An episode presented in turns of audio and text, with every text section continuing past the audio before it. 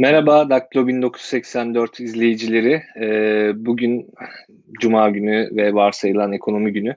Hepiniz hoş geldiniz. Bugünkü konuğum benim de çok sevdiğim, yakından takip ettiğim, e, haberleriyle ufkumu açan, e, aynı zamanda çok da deneyimli bir gazeteci Bahadır Özgür. Kendisiyle bugün yolsuzluk ve kötü yönetim arasındaki bağlantıyı biraz irdelemek istiyorum. İşte çeşitli örneklerle, sorularla e, biraz bu bağlantının kapsamını genişletmek istiyorum. Ee, Bahadır Özgür'ü birçoğunuz tanıyorsunuzdur. Şu an Gazete Duvar'da yazılar yazıyor ve Medyaskop'ta iki satır isimli bir program yapıyor Hakkı Özdal'la birlikte. Ee, Medyaskop'taki programı da çok beğenerek izliyorum. Eğer denk gelmediyseniz e, Medyaskop'taki iki satır programına da bir göz atar, atarsanız bence e, gayet keyif alacağınızdan eminim. Ee, aynı zamanda kendisi dediğim gibi deneyimli bir gazeteci. Daha önce Evrensel, Referans ve Radikal'de e, çalıştı. Oralarda yazı işleri müdürlüğüne kadar e, varan yani muhabirlikten yazı işleri müdürlüğüne kadar varan bir geniş skalada e, bizim ufkumuzu açtı sağ olsun kendisi. E, şimdi yayına başlamadan önce standart birkaç hatırlatmam var. Onları yapayım. E, biliyorsunuz bu yayınları sizlerin desteğiyle yürütüyoruz. O nedenle Patreon hesabımız var. Oradan bizi destekleyebilirseniz çok sevinirim e, hesabın Patreon hesabının linki aşağıda. E, oradan desteklemek istemezseniz de eğer ilginizi çekiyorsa bu program veya ilgisini çekebilecek e, arkadaşlarınız varsa bu programı paylaşırsanız şu an Twitter'dan, Facebook'tan ya da işte her nereden izliyorsanız veya her ne e, Twitter hesabınız pardon e, sosyal medya hesabınız varsa paylaşırsanız çok çok sevinirim. Böylece daha fazla e, insanla muhabbet etmiş oluruz. Aynı zamanda e, yayınımızı sorularınızla zenginleştirirseniz de çok çok çok memnun olurum. Çünkü sizin sorularınız beni ve konuğumu besleyen en önemli kaynak olacak. E, biraz böyle monologdan e, çıkıp e, sizlerle diyalog kurmaya vesile olacağını düşünüyorum. E, şimdi konuğumu alayım. Hmm. Hoş geldiniz Bahadır Özgür. Nasılsınız? Hoş bulduk. Çok teşekkürler davetiniz için. Çok memnun oldum bu programınıza katılmaktan. Yani vakit buldukça çok takip etmeye çalıştığım ve keyif aldığım bir şey e, sizin yaptığınız ekonomi programı. Çok sağ olun. E, memnuniyet verici oldu. Çok sağ olun. Ben de uzun zamandır aklımdaydı. Bir fırsat kollayıp da işte ne ara çağırsam diye düşünüyordum. Şansımıza ABD seçimlerinin Türkiye'de nedense çok hype hissedildiği bir dönemde döneme denk geldi. Ee, çok yani teşekkür ederim şimdiden katıldığınız için. Şimdi e, ilk sorumla başlayayım. Aslında soru değil de daha çok zaten konuşmuştuk. Biraz böyle muhabbet e, formatında da gidiyor benim program. E, yani izleyicilerimiz de ondan keyif alıyor diye düşünüyorum. Şimdi aslında belki de varmamız gereken sonucu ben bir baştan sorayım size. Yani çok ortadan bir yerden soracağım. Yolsuzluk ve kötü yönetim arasında bir bağlantı olduğu aşikar.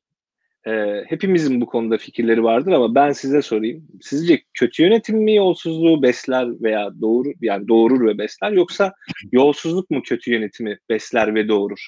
Buradan böyle tartışmanın genişlemesini umuyorum. Ee, çok pratik bir cevabı var aslında. Yani ikisi de birbirini besleyen şeylerdir. Tabii baktığımız zaman yani tablonun kendisine baktığımız zaman ikisi de birbirini besler ama sanırım e, bu kolaycılığa kaçmadan biraz daha şey bakmak gerektiğini düşünüyorum. Çünkü e, hem tek başına yolsuzluk dediğimiz zaman hem tek başına kötü yönetim dediğimiz zaman bunların ikisinin e, hareket ettiği zemini biraz kaçırmış oluyoruz ve aslında şu an Türkiye'de hemen her alanda tartıştığımız yani hukuk, siyaset, iktisat, günlük hayatımızda karşılaştığımız e, otoriterlik, despotik uygulamaların temellerini biraz kaçırmış olabiliriz böyle bakarsak. Eğer bu şeyden bakmazsak. E, ya ben şöyle gireyim e, aslında. E, yolsuzluk mesela hani hepimizin e, bildiği, duyduğu, aşina, aşina olduğumuz, tanımını çok kolay yapabildiğimiz bir e, edim aslında, fiil. İlk defa da olmuyor. Hani tarih boyunca her siyasi iktidar döneminde denk geldiğimiz, denk gelinmiş, ortaya çıkmış bir şey ve yönetimi, siyaseti yozlaştıran bir unsur olarak görülen evrensel bir algı aslında yolsuzluk. Ama soru basit ama bence cevabı Türkiye için biraz karmaşık olduğunu düşünüyorum. Yolsuzluk nedir dediğimiz zaman. Şundan dolayı e, yolsuzluğun bir evrensel tanımı var. Hukuki bir tanımı var. Bizim yasalarımızda da yer alan. AB ve BM kalkınma programlarında da yer alan, keza Şeffaflık Derneği'nin de sık sık gündeme getirdiği bir tanım var. Nedir yolsuzluk hukuki olarak? Kamu gücünü kişisel çıkar için hukuk dışı yollardan kullanmak, kişisel çıkara alet etmek. Aslında en kabat, en basit tanımı bu hukuki e, kavramları bir kenara bırakırsak. Bu BM de böyle tanımlar, Avrupa Birliği de böyle tanımlar. Keza Dünya Bankası raporlarına baktığımız zaman da böyle tanımlar. Aynı zamanda bizim hukuki sistemimizde de böyle tanımlanır. Yani buna en yakın belki de bunun birazcık sınırlarını genişleten tanım ise yolsuzluk e, şef, yolsuzlukla çok ilgilenen Şeffaflık Derneği'nin kamu gücünü kötü amaçlar, kötü niyet olarak kullanmak. Yani kamu yararı dışında kullanmak olarak daha genişletmiş durumda. Ben burada tartıştığımız dönemi de kapsamak itibariyle yani AKP döneminde ne farkı var bunun? 90'lardan, 80'lerden, 70'lerden ne farkı var? Ee, şeyini e, ortaya koyabilmek için e, yolsuzluğun tanımının, yolsuzluğun kendisinin değiştiğini, hukuki tanımında değiştiğini düşünüyorum. E, şöyle ki artık yolsuzluk bence hukuk dışı yollardan ya da hukukun etrafına dolanarak işte kamu otoritesindeki boşlukları kullanarak yapılan bir şey olduğunu düşünmüyorum. Bizatihi hukuki bir zeminde meşrulaştığını, aksine hukuk yoluyla bir yolsuzluk yürütüldüğünü düşünüyorum. Biraz bunu açmaya çalışacağım tabii ki örneklerle somut Türkiye üzerinden. Yani şöyle söyleyeyim e, özet olarak. Hani 90'ların kendi yaş kuşağımızın da hatırladığı e, 90'lardan e, örnek vereyim. O zaman biraz daha doğaçlamaydı bu işler açıkçası. Hani siyasetin finansmanı her zaman yolsuzluktan ya da kamu kaynaklarından sağlanmaya çalışılırdı ama nihayetinde bunu bir gizleme, e, yasanın dışında hareket etme gibi bir e, şeyle e, yapılırdı yolsuzluklar. Ama artık bence 2000'lerden sonra bu sadece Türkiye için de geçerli değil. İşte sürekli tartışıyoruz. Otoriter, totaliter rejimler, otoriterleşme diyoruz, popülist, otoriter sağ rejimler diyoruz. Bütün bunlarda ortak bir şey ortaya çıkıyor. Yolsuzluk kurumsallaşmış ve bir sistematiğe oturmuş halde. Bu kurumsallaşmanın ve sistematik hale gelmenin temelinde de bence hukuki rejimler yatıyor. Yani yaratılan hukuk yatıyor. Bizatihi yolsuzluk bugün hukuk üzerinden üretilen ve e, yürütülen bir kamu faaliyeti tırnak içinde kullanıyor. Bir kamu faaliyeti haline gelmiş durumda. E, Romalı tarihçi vardır. Hukukçular çok daha iyi bilir. Bu işi çalışanlar da. Onun popüler bir sözü vardır. E, devlette ne kadar çok yolsuzluk varsa o kadar çok yasa vardır der. Aslında AKP dönemi tanımlarsak ne kadar çok yasa çıkıyorsa bilin ki o kadar çok yolsuzluk yapılıyor demektir aslında. Yani o açıdan ben ilk ayrımı yolsuzluk tanımda ilk ayrımı buradan koyuyorum. İkinciyi de söyleyeyim hani bağlantısı olması bakımından kötü yönetim.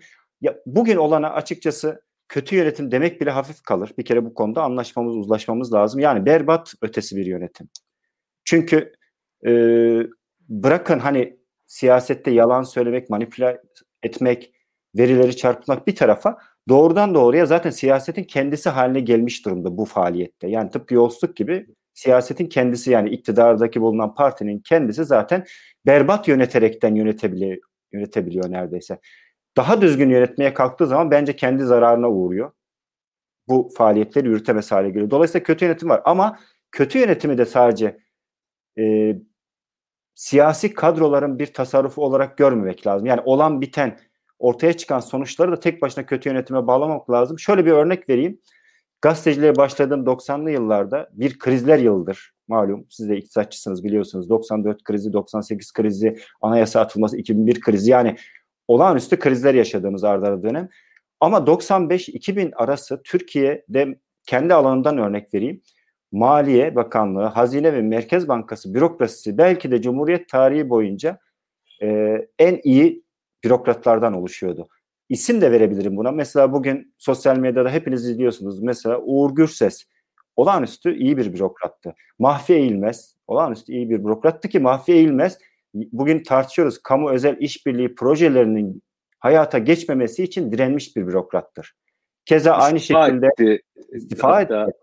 Ve bunlar e, mesela Hakan Özyıldız hani mülkiyeden okuldaşızdır. E, o onun şunu hatırlarım ben. Ziraat Bankası'nın parasını Hüsamettin Özkan iç etmesin diye gece, bütün gece hani kendi parasını bekler gibi beklediğini nasıl hukuki yollara nerelere başvurayım da bu adam bu parayı alıp da aktarmasın diye uğraştığını biliriz. Ama yine de o dönem ne oldu? Pek çok yolsuzluk ortaya çıktı. Hatta Yani kıyas akla tahayyül sınırlarımızı aşan yolsuzluklar. Ege Bank yolsuzluğu, İmar Bankası, çetelerin bulaşmasına tanık olduk, krizler çıktı. Yok bu kamu kaynaklarının e, hiç hayatımızda duymadığımız isimlere aktarıldığını gördük ve onlar hani batık şirketlerden batık bankalara kadar bir tablo ortaya çıktı. Demek ki hani kötü yönetim tek başına bir sonuç doğurmadığı gibi çok iyi bürokrasi de tek başına iyi bir sonuç doğurmuyor. Yine geliyoruz neye geliyoruz? Siyasete. Hani siyasal siyaset kendisini kamu kaynaklarından finanse etmeye başladığı zaman tamamen buradan finanse etmeye dayandırdığı zaman e, kendi çevresini, tabanını, partizan politikalarını, kamu kaynaklarını kullanaraktan hayata geçirmeye çalıştığı zaman, tabanını böyle tutmaya çalıştığı zaman bu sistem bir makine gibi, bir devir daim makinesi gibi sürekli olarak yolsuzluk üretir.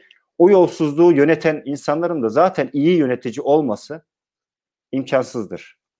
Yani birbirini besleyen bir şey olarak. Ee, ilk soruyu böyle özetleyeyim ben.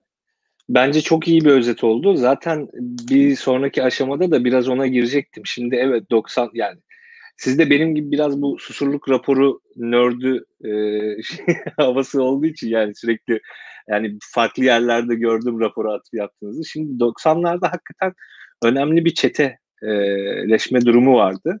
E, yani askerin, polisin, işte siyasetin e, arasında böyle dönen bir çeteleşme çete oluşumu e, ve susurluk sonrasında ortaya çıkan çeşitli anomaliler, e, işte bahsettiğim susurluk raporu da buna ilişkin çeşitli öngörüler e, ve öneriler hani giderilmesi için öneriler ortaya koyuyordu. Şimdi orada öne- önemli gördüğümüz şey çeteler. Şimdi evet. oradan gerçekten güzel bir kapı açtınız yani bana da. Şimdi hukuk yoluyla bir yolsuzluk yapılıyor. Evet. Belki çetelerden o kadar fazla söz edemiyoruz. İşte yani hala var işte asker emeklilerinin holding yönetim kurullarına girmesi falan gibi böyle e, küçük böyle e, çete diyemeyeceğimiz ama çeşitli salvolar var. Ama o döneme kıyasla bir çeteden bahsedemiyoruz. Daha çok işte belki e, zaten yayını duyururken de e, onu yazmıştım. Yani bir oligarkımsı bir yapıya doğru evrildi e, bu Türkiye'deki evet. yolsuzluk ağının biçimi.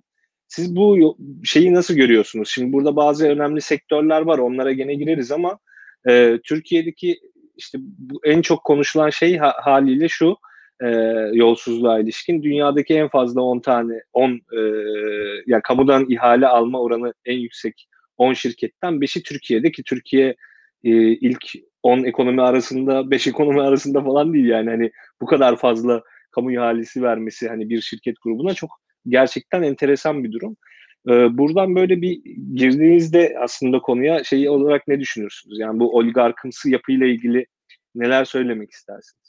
Tam aslında e, yolsuzluğu artık eskisi bir tanımlayamayız. Göremeyiz dememin nedeni buydu. Bugünkünün bir farkını da koymamız lazım. Hani e, eskiden beri süren bir e, faaliyettir yolsuzluk ama bir farkı var bugün.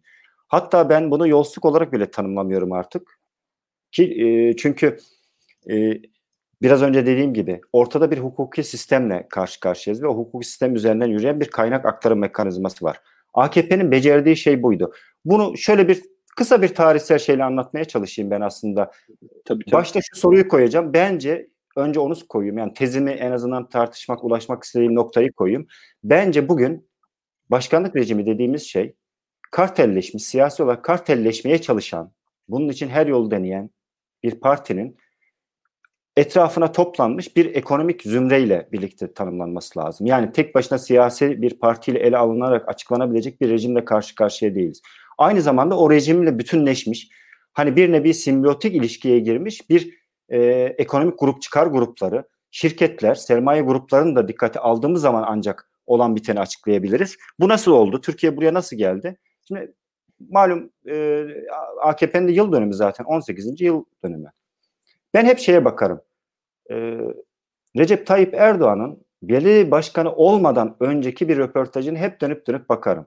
TÜSİAD'ın Görüş dergisinde yayınlanan bir röportajı. 94 yerel seçimlerinden birkaç ay önce yayınlanmış bir röportajdır. Pek çok şey anlatır orada ama orada temel olarak mesela şöyle bir politikadan bahseder.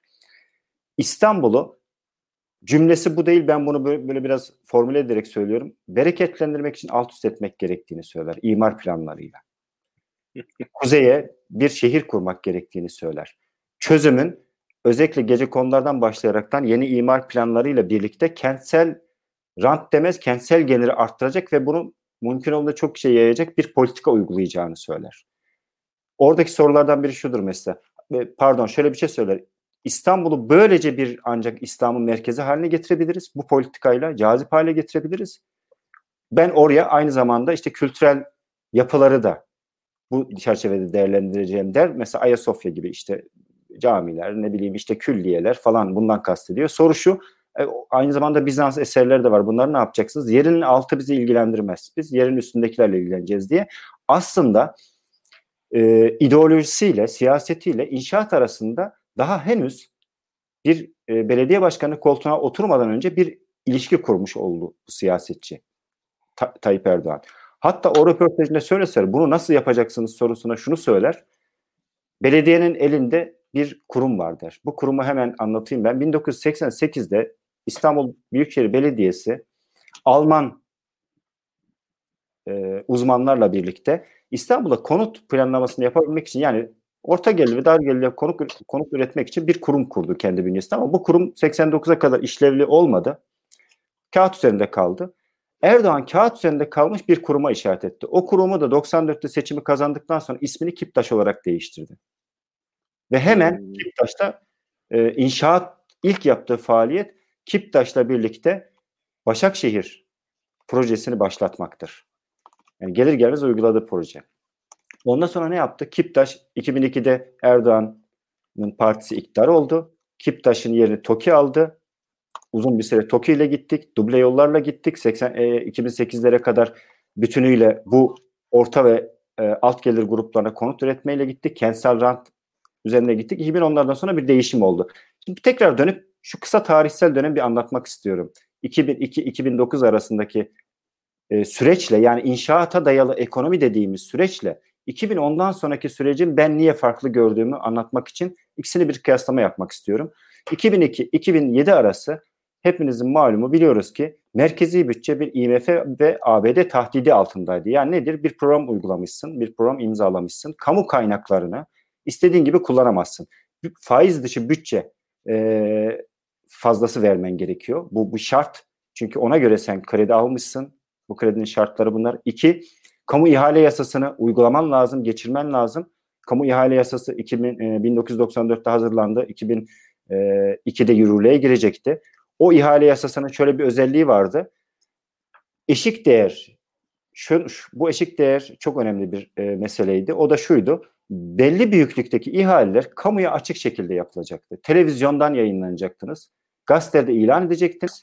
Canlı yayınlarda arttırım olacaktı. Yani insanlar buna kimlerin gördüğünü, kimlerin girdiğini, ne kadar para verdiklerini, e, kimin kazandığını görebileceklerdi. O arada hatta ihalesinde şu da vardı. O arada mesela diyelim ben bir gazeteci olarak bir ihaleyle ilgili bir şaibe buldum ve bunu haber yaptım. Haber dahi ihla, e, ihbar kabul edecekti ve ihale durdurulacaktı. Hani incelendikten sonra. Şimdi bu tür yetkiler vardı. Bunun nedeni şuydu. Bu ihale yasasının konulmasının.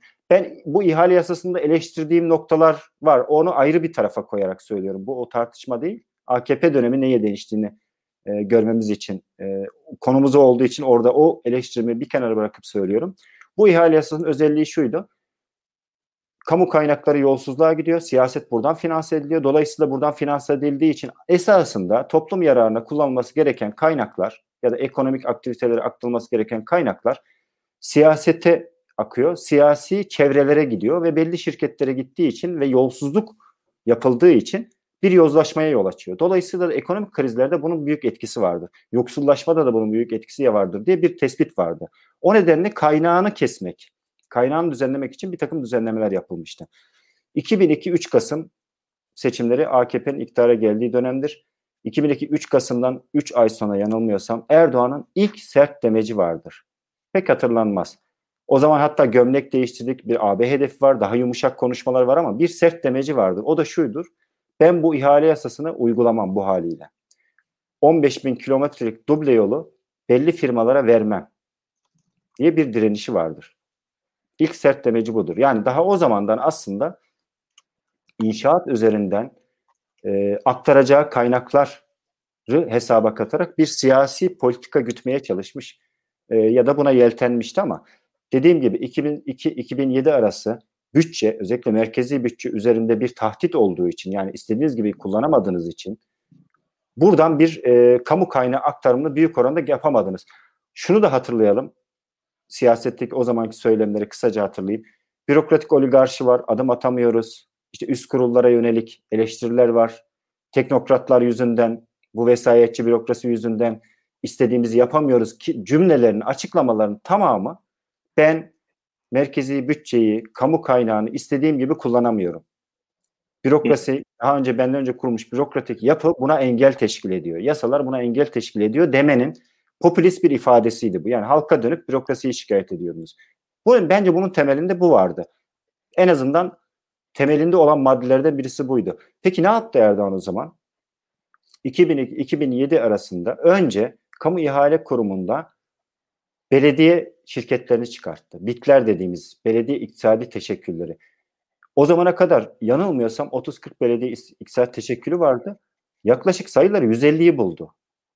5-6 yıl içinde. Yani belediye iktisadi teşekkülleri kurup belediye içinden kaynakları kamu ihale yasasına ekarte ederek çünkü onlar muaf tutuldu. Metrolar buradan başladı. Metro inşaatları. Pek çok yol, viyadük, köprü, aklınıza ne gelirse park, bahçe ihaleleri buradan başladı. Araç ihaleleri buralardan yapıldı. İşte şimdi ortaya çıkıyor Mansur Yavaş tek tek çıkartıyor. Çiçek alınmış. Milyonlarca lira. Çiçekler buradan alındı. Yani o dönem kamu e, o dönem kaynak dağıtım mekanizmasını kendi yandaş yakın firmalara ki onlara geleceğiz onu ayrı bir şekilde değerlendireceğim. Buradan aktarmaya başladı. Siyasete buradan finanse etmeye başladı. Artı seçime endeksli bir parti olduğu için o zaman çünkü bütün meşruiyet seçimde tek meşruiyet meşruiyetini seçimde gördüğü için kendi tabanına, çevresine de buradan kaynak aktı. 2008'e kadar. IMF programı bitti. AB tahdidi kalktıktan sonra 2008'den sonra biz bir değişim görüyoruz. Fakat 2008'de şu an unutuyoruz. O zaman çünkü başka davalarla ilgileniyorduk. Biz Türkiye'nin gündemine damga vurmuş pek çok davayla ilgileniyorduk ki kafamız oraya, aklımız oraya dönük olduğu için orada ne yaptığını çok sonra görebildik. Çok sonra baktığımız zaman gören vardı ama ağırlıklı olarak siyasi partilerde, hukukçular da hepimiz pek göremedik. 2008-2014 arası ya Türkiye, belki hatırlamayan olur da e, bu 2008'deki dava mevzu aslında Ergenekon. Ergenekon, Balyoz, yani şöyle söyleyeyim toplumun AKP'li olmayan bütün kesimlerine bir torba e, dava süreci vardır. Her şeyi torbaya attınız. Ki bu davaların hepsinde sonuçlandı, ortaya çıktı yani boş olduğu. Hani hepsi... Boş olduğu ortaya çıktı. Evet. Zaten baştan da belliydi. İşte Evet. E, o da o dönem ben artık hani bu lafınızı kestim ama şeyi o zaman o zaman öyle görmüyordum ama galiba şöyle yani tüm bu yapılanın üstünü örtmek için anladığım kadarıyla orada e, kendine de bir alan buldu e, işte The Cemaat dediğimiz yapı şimdiki FETÖ. İşte kendine bir alan buldu. O işte onlara tevdi edildi. On, onlar zaten öyle bir şey bekliyorlardı. Bir parlama fırsatı. E, AKP'nin işte e, has dairesi dediğim artık onların kanadı da tüm bu yapılanları örtbas edecek bir günden bekliyorlardı ve hakikaten ben o zaman bir üniversite öğrencisiydim. Neredeyse biz bile başka bir şey konuşamayacak hale gelmiştik. Normalde bir genç insanın bu tarz şeylerle e, vakit Hı-hı. ayırması e, çok e, beklenir şey olmaması lazım. Fakat işte Türkiye gibi ülkelerde böyle oluyor. Orada bir dönem yaşadık. Ondan sonra zaten o oradaki bizim gözümüzü örten bir perde vesilesiyle anladığım kadarıyla birçok şey hayata geçirildi. Evet. Birkaç Enes birkaç e, şey sıralayayım. 2008'de biz Ergenekon Balyoz'la uğraşırken o arada hangi yasaların geçtiğini hemen hızlıca söyleyeyim. Peş peşe bir yıl içinde çok yasa geçmiştir. Şunu da söyleyeyim 2008-2014 arası Türkiye bir yasal bombardımana uğramıştır. Hatta sayı olarak baktığımız zaman bütün hukuki düzenlemeler Cumhuriyet tarihi boyunca belki de yapılmış yapılmış düzenlemelerden daha fazla düzenleme yapıldı. Daha fazla değişiklik yapıldı yasalarda. Torba yasa zaten hani bir e, facia bir şeydir. İçine her şeyi atıyorsun. Torba yasalar dönemidir bu Türkiye'de. Ne, ne değişti biliyor musun 2008'de mesela? Önce yap işlet devret kanunun bu eski bir kanundur. Kapsam maddesi değişti. Kapsam maddesine neleri koydular? Hani hep denir büyük altyapı projeleri değil sadece. Balıkçı barınaklarından mezarlıklara kadar. Hatta yani abarta e, yani otobüs duraklarına kadar, billboardlara kadar her şeyin yap işlet devletle yapılabileceği gibi bir şeyi genişlettiler. Yani her Türkiye'de devlet ne yapacaksa her şeyi yap işlet devlet de yapabilir pozisyona geldi. Hemen peşinden bununla bağlantılı bir madde daha değişti. Kamu borç yönetimi yasası bu çok önemli. Kamu borç yönetimi yasasının değişmesinin nedeni şuydu. Bunun sonuçlarını şöyle gördük. Hazine yap işlet devlet projelerini alan şirketlerin yurt dışından, yurt içinden bulduğu kredilere %100 garanti vermeye başladı. Ondan sonra da kamu ihale yasası meşhur değişiklikler başladı. O zaman 18'di. Şimdi 190'ı buldu. 191. de yeni yapılıyor. Çiğdem Toker gazeteci yazmıştı. Harf bitti diye. İşte birinci madde A, B, C, D, E, F diye değişiklikler gider. Z'yi bitirdiler. Artık türevlerini almaya başladılar değişiklikte. Bu da değişti. Yani 2008'den sonra Türkiye'de bir hukuki değişim özellikle kamu kaynaklarını dağıtmaya yönelik bir hukuki değişim yaşandı. Ta programın başında söylediğim yolsuzluk artık hukuk dışı bir şekilde hukuk dışı yollarla yapılmıyor. Bizatihi hukuk eliyle, bizatihi hukuka dayanaraktan yapıldığı için artık ona yolsuzluk diyemiyoruz. Çünkü devletin rant üretme ve rantı dağıtma faaliyeti bir devlet faaliyeti, bir idari faaliyet haline gelmiş durumda. Dolayısıyla mahkemeler, kurumlar, kuruluşlar herkes o kamu kaynaklarını dağıtım mekanizmasını korumaya dönük bir şey e, çeper oluşturdular. Yani buralara açılan davalar bir şey ifade etmez çünkü ortada e, yasaya uygun yasaya aykırılık yoktu. Onu söyleyeyim. Yasaya aykırı bir durum yok. Bir şey söyleyerek ondan sonra bu oligark sistemine geçmek istiyorum. Sayıştay 2011'de Sayıştay yap, e, yasası değiştirildi. Hani şimdi Sayıştay şeylerini çok tartışıyoruz raporlarını. Biz e, binde birinin hatta abartarak söylüyorum milyonda birinin görebiliyoruz Sayıştay raporlarında ki Sayıştay'ın şu an 2011'deki yapılan değişiklikle şu yetkisi elinden alındı. Sayıştay Türk e, idari sisteminde halk adına parlamento eliyle kamu kaynağını denetleyen en yüksek kurumdur. Yani kamu kaynağını halk adına denetler. Bir devlet adına denetlemez. Bunu da parlamento eliyle kullanır. Yaptığı denetimde şudur. Siz isterseniz istediğiniz parayı nereye harcasanız harcayın. Sayıştay bunun hukuka uygunluğunu denetlerdi. Yani sen görevine uygun olabilir, yönetmeliğine uygun olabilir, siyasi iktidarın emrini yerine getirebilirsin ama benim için önemli olan hukuka uygun mu değil mi der. Yani kamu yararı. Bunu değiştirdi. Dedi ki sen yasaya bakamazsın uygun mu diye. Ancak şuna uygunsa sorun yok. Bir yönetmelik çıkmış. Bu yönetmeliğe göre bir harcama yapılmışsa sen yönetmeliğe de bakarsın. Ona uygunsa tamam. İdari karara uygunsa yani hani AKP'nin verdiği bir idari karara uygun bir harcama yapılıyorsa sen bunu denetleyemezsin derdi. Yani hukuki denetimlik ve yerinde denetimlik kaldırıldı. Sayıştay'a suyunun suyunun suyu kaldı. O suyunun suyunun suyu bile dehşet bir tablo ortaya çıkartıyor görüyorsunuz. Yani denetleme alanı bu kadar daraltılmış Sayıştay dahi olmayan viyadük çıkartıyor bize mesela. Yani yapılmamış ama para harcanmış bir viyadük çıkartıyor. O açıdan ben 2000 e, sen araya gireceksin ama 2010'dan sonrasını da ondan öncesine farklı değerlendiriyorum. Evet yani bu Sayıştay vurgusu özellikle önemli. O belki şey demek lazım ama ya hukuka uygun değil de belki hani buna uygun kanun yapıyorlar. Aslında olan şey hukuk değil yani. Hukukun dışında bir şey aslında. E, orada şunu da ama dikkat etmek lazım. Şimdi bir döneme kadar hukuku kanun çıkartarak kanun üzerinden yapılan işler den artık şuna geldik. 2017-18'den sonra özellikle başkanlık rejiminden sonra artık hukuk da yok. Kanun çıkartma da yok. Cumhurbaşkanı Tabii. iradesi var. Yani tek imzaya da bağlı artık. Bence orada da bir değişiklik var. Yani daha önce yönetmelik hukuk hukuki düzenleme yaparak dağıttığı kamu kaynağını artık buna da gerek duymuyor. Çünkü bu da uzun bir süreç aslında. Çünkü meclise gönder. Yani teknik süreci bile uzun geldiği için artık bir gece kararnamesiyle bakın gece kararnamesi de Cumhurbaşkanlığı imzasıyla bir kararname yayınlanıyor. Enes Özkan'ın evine el koyabiliyor. Böyle söyleyeyim mesela. Diyor ki buradan yol geçireceğim. İşte yaptı yani. Buraya yaptı. Evet. Tabii yani, çok yerde yaptı. Hala yapıyor. Köylülerin direnişi var önemli yerlerde ve çok fazla yerde var da biz tabii duyamıyoruz, edemiyoruz. Bu konu medyada çok ee, yer bulamadığı için o açıdan orada da bir farklılık var. Artık hukuk da, artık kendi yasası da yok yani. Kendi yasasını çıkartma gereği de duymuyor. Kesinlikle. Ee, şimdi ya, ben o yüzden e, buyurun. Yo yo şey e, eğer bu kısım bittiyse ben böyle birkaç ekleme yapayım. Bir de birkaç bir şey de ben söylemek isterim. Evet. Bu özellikle şey önemli hakikaten ve komik yani bir yandan da.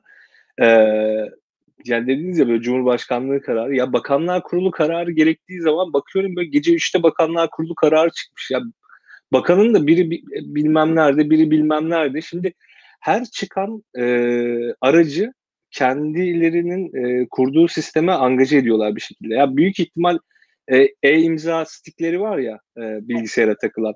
Onlar Onlar... Cumhurbaşkanlığında bir yerde duruyor.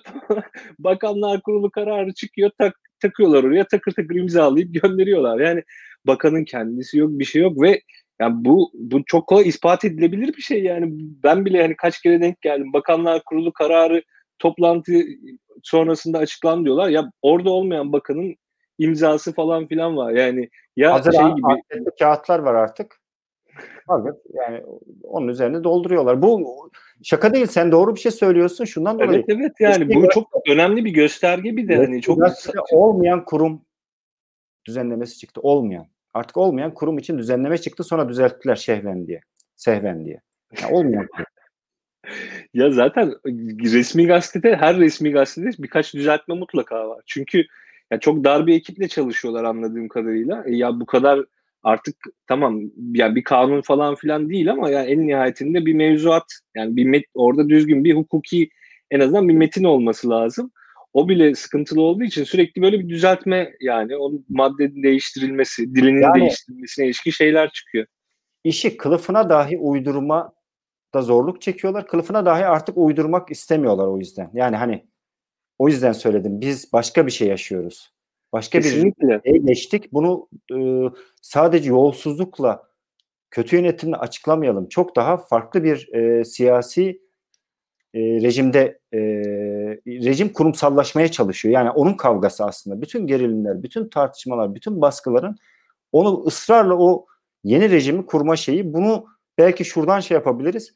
Hani siz dediniz ya e, başta ulaşmak istediğim yer oydu aslında. Yani şu an Türkiye'de siyaseten ve hukuken bunu tırnak içinde kullanıyorum bu kavramı. Yarışmacılığı ortadan her alanda kaldıran, kaldırmak isteyen.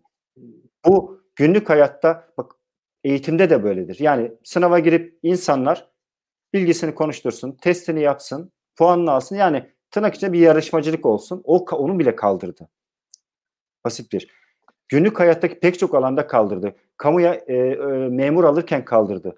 Taşeron işçi alırken dahi bu yarışmacılık yok. Yani bu rekabet diyeyim ben buna. Ama bu kavramı lütfen iktisattaki anlamda kullanmadığımı anlayın. Hani bunu kastettiğim şey insanların maharet, yetenek, bilgi birikimine göre birbiriyle rekabet etmesi anlamda kullanıyorum. Onları ortadan kaldıran yani küçücük alandan siyasete kadar muhalefet partilerine yönelik baskı niye yapılıyor? Neden onları susturmaya çalışıyor? Siyasi rekabet yarışmacılığı da e, tasfiye etmek için. Hukukta niye bunlar oluyor? Hukuki alandaki şeyi de ortadan kaldırmak. Yani kartelleşme dediğim şey benim bu. Artık her alanda kartelleşen bir yapı kurulmaya çalışılıyor. Bunun da bir iktisadi temeli var aslında. Benim asıl üzerinde durduğum konu bu. Bunun bir iktisadi mantığı var. Şimdi ben burada birkaç şey eklemek isterim. Hakikaten bence çok doğru bir noktaya başvurdun, söylediniz. Ben de biraz bundan bahsetmek istiyordum aslında. Şimdi 2010'dan sonra özellikle 2012-13 civarından sonra şey oldu. Bir e, yani işte Ergun Hoca, Ergun Özbudun vesaire bir yarışmacı otoriteryenizm diyorlardı aslında bu rejime. Çünkü Türkiye'nin şöyle bir rejimi olduğu öne sürülüyordu artık. O dönemlerde dahi işte kazananın her şeyi kazandığı, kaybedenin her şeyi kaybettiği. Bu nedenle şu an AKP'nin kazanan olduğu, kaybeden duruma geçmek istemediği için e, bu e, otoriteryenizmin var olduğunu ve e, Türkiye'deki rejimin de yarışmacı otoriteryenizm denen şey olduğunu söylüyorlardı. Şimdi bugün ya bugünlerde de başka şeyler de konuşuluyor. İşte özellikle Twitter'da belki takip edenler vardır. İşte Türkiye neoliberal mi? Hı hı. İşte başka bir şey mi falan filan. Ya ben de orada mesela şöyle bir yorum yapmıştım. Yani Türkiye hakikaten bu yarışmacı otoriteryenizmden işte eğer adı olacaksa hani bir kleptokrasi denen o e, garip hani kendi içinde tutarlı yani sistem diyebileceğimiz şeye doğru geçmeye başladı ki belki çoğu unsuru itibariyle de geçti. Ki bu yani bu sorunun cevabında başta verdiğiniz e, kısımda özellikle şeyi vurgulamıştınız. Ben onu not aldım. İşte bu merkezi bütçeyi kafasına göre tabiri caizse harcayabilmek. İşte kamu ihale kanunun 190. 190 kez değişmesi zaten hep o vurguladıkları bürokrasi, işte hızlı karar alma mekanizmasının etkin olması vesaire. Bunlar hakikaten çok önemli şeyler ve Türkiye'de şöyle bir şey de oldu. Artık hani kendi hızlarına kendileri yet- bile yetişemedikleri için varlık fonu diye bir garabet ortaya çıktı. Şimdi bu merkezi hazine yani merkezi bütçenin e, işte aslında e, dayanağı olan hazinenin haricinde başka bir hazine yani bu Osmanlı'daki çoklu hazine sistemine benzer şekilde hareket edebilecek, kendi kendine işte borçlanabilen, e, kendi kendine faaliyet gösterebilen bir yapı kurdular ve bunu da o suyunun suyunun suyunu dahi anca denetleyebilen Sayıştay'ın denetiminden de çıkardılar. Şey vardı, e, araya girip söyleyeyim, Osman deyince e, Abdülhamid'in hazineyi hassayı değiştirmesi vardır. Osmanlı'da Tabii. hazine hassa vardı. Yani padişahın şahsi harcamalarını içeren bir harcama vardı. Bir de devlet e, bütçesi diyebileceğimiz bir hazine vardır. Abdülhamit zamanı hazine hassa denetimden çıkartıldı. Kapsamı genişledi. İçine ne koydular biliyor musun? Bağdat Demiryolu'nu. Tabii Selam Rumeli Demiryolu. Rumeli Demiryolu'nu, Trabzon limanını, e, Lüleburgaz yanılmıyorsam limanını, Selanik'teki e, bakkal dükkanı dahi koydu. Varlık fonunun aynısı Abdülhamit dönemi hazine hassası varlık fonudur. Bugüne çok benzer. İçine şeyler e, ba, e, petrol hisselerini koydu. Tabii. Ve dedik ya ben bunu ya ben bunu yazdım yani bir dergide de e, ya çok benzer hatta şöyle de benzer. Yani sonuçları itibariyle de benzer. Şimdi Rumeli Demiryolu'nu koyuyor içine. Ya Rumeli Demiryolu için bir borçlanma lazım tabii. Dış borç alıyor.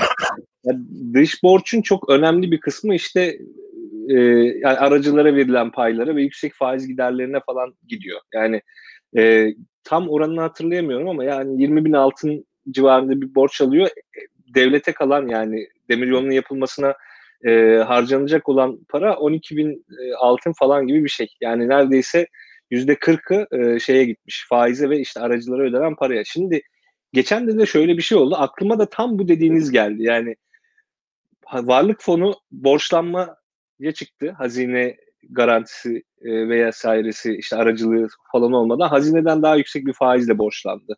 Yeah.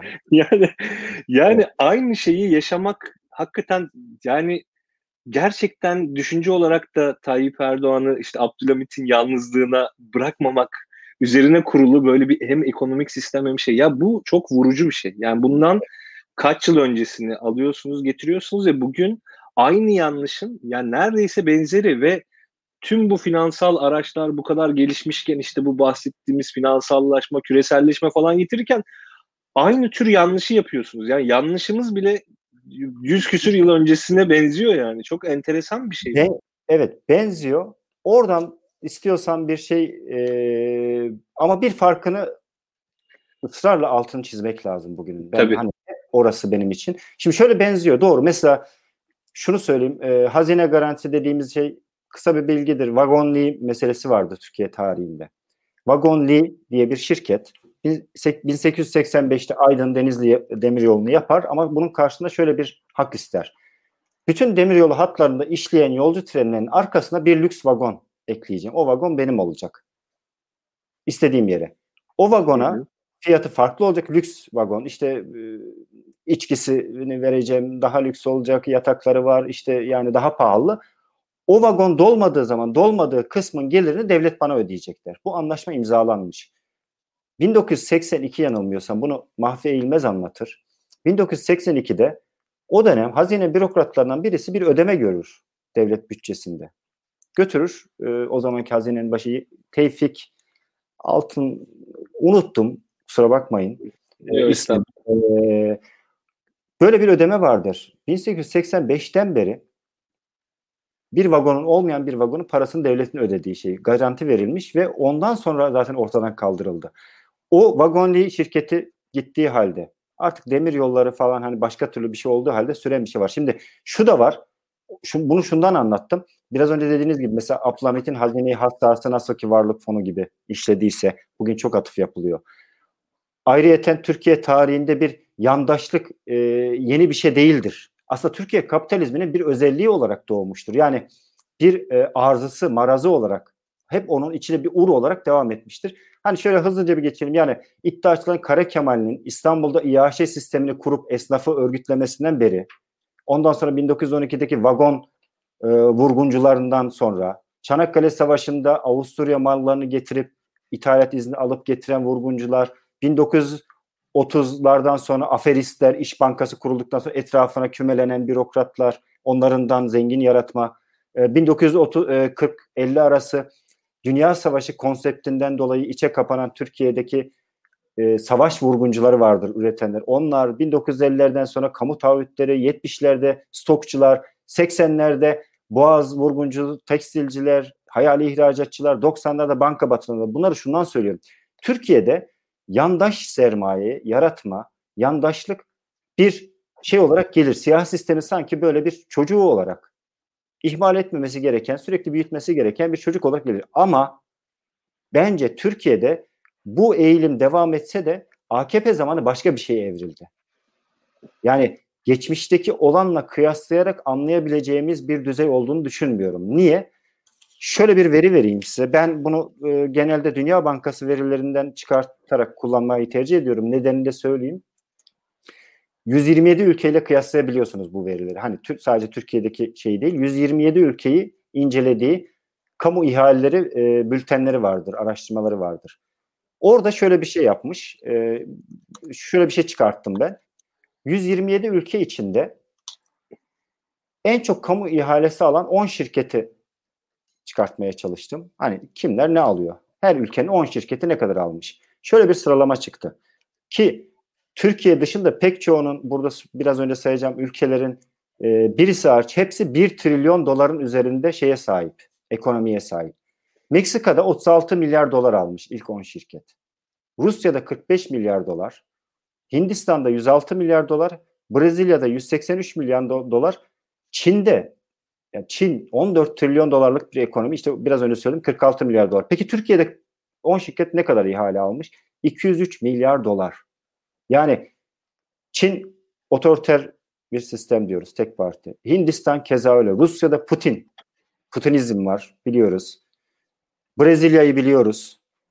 Yani en fecilerinden birisi. Ama bütün bunların ikiye katlayan bir kamu kaynağı aktarımından bahsediyoruz burada. Yani bir yıllık gayri safi milli hasılanın yüzde 26'sının 19 yılda 10 şirkete verildiğini görüyoruz. Bu oranlar basitçe yolsuzlukla, basitçe yandaş şirket kayırmakla açıklanacak bir şey değil. Hemen devam edeyim, birkaç şey vereyim. Son 5 yılda değeri 100 milyon lira üzerinde olan ihaleleri incelediğimiz zaman bunların tut, toplam tutarı 340 milyar lira yapar. Bu paralar az buz paralar değil. Yani 340 milyar lira 5 e, yılda. Bunun %36'sını 10 şirket almış.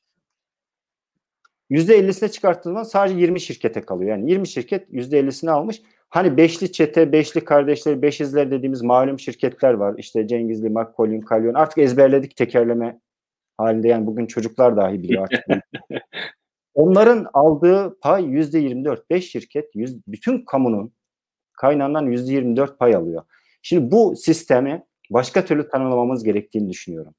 Bence bu sistem e, Putin'in oligark sistemine çok benziyor. Burada oligarkı elbette e, Rusya'nın doğal kaynağı, askeri gücü, tarihi falan hepsi bambaşka bir şey ama nasıl çıkmıştı oligarklar? 1990'larda e, devletin paraya ihtiyacı vardı. Borç karşılığı hisse diye bir mekanizma buldular. Yani şuydu. Siz bu şirketlere dedik bana borç verin ben size 10 yıl sonra yani 10 yıllık hisse vereyim. Hisseyi ödeyemezsem karşılığını kurumdan pay vereyim. Şimdi bir oligark sistemi çıktı. Daha sonra Putin kazandıktan sonra bunu sistematik hale getirdi. Bunların çoğu el değiştirdi. İlk el değiştiren de ne kadar bize benzerdi? Medya grubudur. NTV'nin sahibi değiştirdi. Putin'in ilk kartelleştirdiği, ilk yandaşına aktardığı grup NTV'nin sahibi olan oligarkın parasını ve mal varlığını başka bir kendine yakına aktarması da Türkiye'ye çok benzer. Ondan sonra zaten petrol falan gitti. Bunlar bir oligark sistemi olarak Putin yani Kremlin etrafında bir oligarklar sistemi vardır. Bu oligarklar sistemi illa o e, ebediyen kalmaz. Varlık durur, isim değişebilir ama o sistem devam eder. Şimdi Türkiye'de bence 2010'lar, 2013'lerden sonra bu aktarılan kamu kaynaklarına baktığım zaman, bunların miktarına baktığım zaman, bunların sistematiğine baktığım zaman, deprem, savaş, pandemi olsa da aksamamasına, bunların ilaç ödemesi yapılmamasına rağmen bunlara hala hazine garantisi ödemesi yapılmasına baktığımız zaman şöyle düşünün. Erdoğan bugün ödemeyin dese Cengiz'e parayı öder mi devlet? Kimse gıkını çıkartabilir mi? Aman hiç aksamaz. ABD ilaç ABD ilaç ABD ilaç şirketine para ödemiyorsun. Hani bunu göze alabiliyorsun. Param yok diye. Ama Kalyon gibi senin 70'lerden beri Milli e, Talebe Birliği'nden beri arkadaşın olan bir şirkete ödemeyi aksatmıyorsun. Yani ya şimdi ödemeyelim demiyorsun. Bu bir bence bu yandaşlığı aşan bir rejimdir. Nasıl ki biraz önce söylediğim gibi kartelleşen bir parti aynı zamanda oligarklaşan bir ekonomik sistemi de yaratmak zorunda. Ekonomide de bir kartel yapısı olur, yap, yaratmak zorunda. Bu rekabeti ortadan kaldıran bir şeydir. Bu insanlar, bu şirketler bir mal satmıyor sana bana. Reklam yapma ihtiyacı duymuyorlar. Bize bir kendilerini beğendirmek zorunda değiller. Ürettikleri şeyi bize satıp kar etmiyorlar. O yüzden bize küfür edebiliyorlar. Hani milletin bilmem ne yapayım demesinin nedeni bu. O yüzden biz onun müşterisi değiliz. Bizim adımıza devlet müşteri. Devlet onlara bir büyük müşteri olarak, bütün 85 milyonun müşterisi olarak piyasaya giriyor ve onlardan mal alıyor, hizmet alıyor ve onlara ödeme yapıyor bizim adımıza. Bizim kaynaklarımızı ödüyor. Dolayısıyla burada bir rekabetten bahsetmemiz mümkün değil. Bu bir ağ, bir kartelci ağıdır. İnşaatta bir kartelci ağ. Gelelim enerji. Aynı isimler burada. Gelelim savunma sanayi. Hızla buraya doğru evriliyor. Asıl önemli olan şu bence. Bence nihai yapısı burada ortaya çıkıyor. Biraz önce söylediğim gibi varlık fonu devletin şu an para eden bu hafif bir şey değil. Para eden yani satsak para eden her türlü varlığını barındırıyor. Ve bu varlıkların tamamı tek bir iradeye bağlı, hiçbir kanuna bağlı değil. Göremiyoruz yani burada ne olup bittiğini göremiyoruz. Buraları alacak personel rejimi, personel rejimi de e, personel kanunundan da muaf. Yani örneğin Ziraat Bankası'na alınacak bir bekçi diyelim, güvenlik görevlisi Cumhurbaşkanı imzasına tabi. Yani binlerce insandan bahsediyoruz. Doğrudan Cumhurbaşkanının e, emrinde çalışan binlerce insan personelden de bahsediyoruz. Dolayısıyla kadrodan kaynağa kadar devasa bir varlık fonu e, havuzu var. Peki bu havuz ne yapıyor? Ben diyor petrokimya tesisi kuracağım diyor. İstediğim özel şirketle. Ben diyor e, Kahramanmaraş'ta termik santral kuracağım diyor. Türksel'i aldı. Yani Türkiye'de 3 tane GSM şirketinin birisi tamamen %100 özel şirket. Telekom neredeyse e, işte 3 bankaya borcundan dolayı verildi ama yönetiminde kamu yöneticileri var. Türksel zaten kamunun oldu. Yani rekabetten bahsedebilir miyiz burada? Yani GSM şirketinde. Enerji şirketinde rekabetten bahsedebilir miyiz? Varlık Kesinlikle fonu bir de hayır. üzerine yani e, büyük sanayi kuruluşlarına ortak olmaya çalışan bir yapı.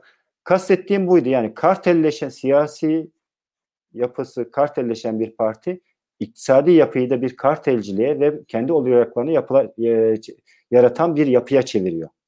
Bu yapının içine giremediğiniz müddetçe iş yapmanız, şirket kurmanız, ihale almanız, mal satmanız imkansız bir şey. Çünkü pazar devlet artık. En büyük pazar, Kesinlikle. en büyük müşteri devlet. Şimdi burada hakikaten kartelden bahsetmişken şeyi vurgulamak lazım. Şimdi son cümleniz önemliydi. Buraya girmek zor enteresan bir şekilde buradan çıkmak da zor. Zaten kartelin mantığı biraz odur. Yani bu Meksika uyuşturucu dizisi işte Kolombiya dizileri falan izleyenler bilirler. Karteli bozanı gider vurur. El Chapo'yu izleyen herkes karteli anlar aslında. Tabii karteli bozarsan biri gelir kafana sıkar bir yerde. Ki bundan sanırım geçen sene e, Cemal Kalyoncu Kapital'e bir röportaj vermişti. İşte gelecek planlarına ilişkin. Şimdi, evet, o röportaj 2019'daydı diye hatırlıyorum. O röportaj çok önemli bir röportajdı. Çünkü şunu diyordu. Ben bu şirketi artık e, yani sadece kamudan aldığım işlerle büyütmek istemiyorum. Farklı sektörlere yatırım yapmak istiyorum, açılmak istiyorum. Çünkü bu iş böyle devam edemez. Daha verimli yatırımlar yapmak istiyorum gibi bu minvalde şeyler söyledi e, Kapital dergisine. Biz şunu duyduk ondan sonra. Cemal Kalyoncu'nun şirketine, Kalyon Holding'e bilmem kaç milyon TL vergi cezası. Şimdi bu çok önemli bir göstergedir. Yani bu işin tam anlamıyla kartel olduğunu. Çünkü hani belki dersin ki ya eş dost kapitalizmidir işte girer ev, amcası da iş alır. Doğrudur, vardır, vardır. Şu da, tabii, tabii tabii hadi hadi onlar sadece o tarz olsa deriz ki ya bu kronik kapitalizmdir. Yani kapital, kapitalizmin bile e, bozuk bir versiyonudur. Şudur budur denebilirdi. Fakat çıkışın da buradan çok zor olması yani hatta olmaması bunun tam anlamıyla bir kartel bir şekilde rejimin de işte bahsettiğimiz gibi kleptokrasi ye doğru yol almasını gerçekten gösteriyor. O yani bu zaten devlet müteahhitliği ile ilgili bu anekdotu ben özellikle not almıştım. Hani bunu konuşuruz diye siz de biraz oraya doğru evirdiniz. Bu orada e, bir ekleme yapayım. Orada bir cümlesi Tabii. daha var. Niye çıkmak evet. istediğini söyler. Şöyle der. E, taahhütlü işler nihayetinde siyasi ortama bağlıdır. Siyasi ortam değiştiği zaman taahhütlü işler sürdürülemez. Yani belli bir süre sürdürebilirsiniz der. Kastettiği şeyi Kalyoncu hani bizim yandaşlığımız şirketin sahibi zaten aslında bize 2019'da bunu anlatmış sistemi. Taahhütlü işler siyasi iktidara bağlıdır der. Siyasi iktidar gittikten sonra paranızı alıp alamayacağınız belli olmaz. Çünkü Türkiye'de bir uzan vakası yaşandı. Uzan'ın şirketleri Sabancı'dan sonra Türkiye'nin en büyük holdingiyle Uzan Holding. 126 şirketi vardı. 118'ini özelleştirmeden almıştı. Bakın 126 şirketin 118'i özelleştirmeden alınmıştı. Türkiye'nin en büyük barajı sahibiydi. Şimdi bu o dönem devlet başka türlü bir yapıda olduğu için, partiler koalisyon olduğu için hı hı. E, Uzan şimdi konteynerlara doldurduğu paralarla Fransa'da yaşıyor ancak hiçbir şirketi yok. O riski, o risk hep vardır. Siyaset değiştiği zaman bu başımıza gelir mi? Ama artık e, o çıtayı aştı iş.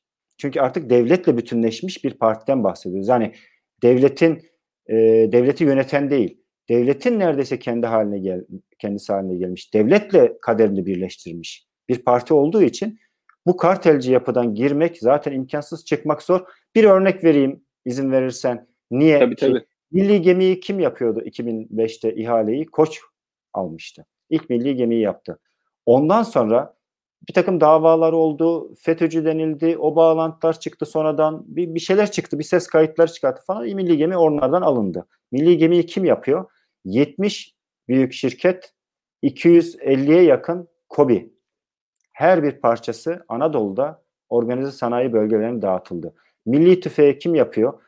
Makine Kimya Endüstrisi'nin portföyünde olan 1500 tane kobiye bunun civatasını dağıtıyorsun, kablosunu dağıtıyorsun, kabzasının bilmem neyini dağıtıyorsun. Yani mühendislik gerektiren, arge gerektiren kısmını devlet karşılıyor yurt dışından aldığı e, şeylerle, patentlerle geri kalanı dağıtarak e, üretiyor. Yani bir milli tüfek altında aşağı doğru yayılan onlarca kobiyi kapsayan bir ağ demektir.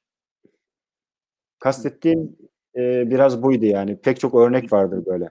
Ya bu işte e, zaten kaynak dağıtımındaki bu e, seçicilik e, ve aslında bir noktada özenli duruş dediğim gibi yani kendi içinde tutarlı bir sistem.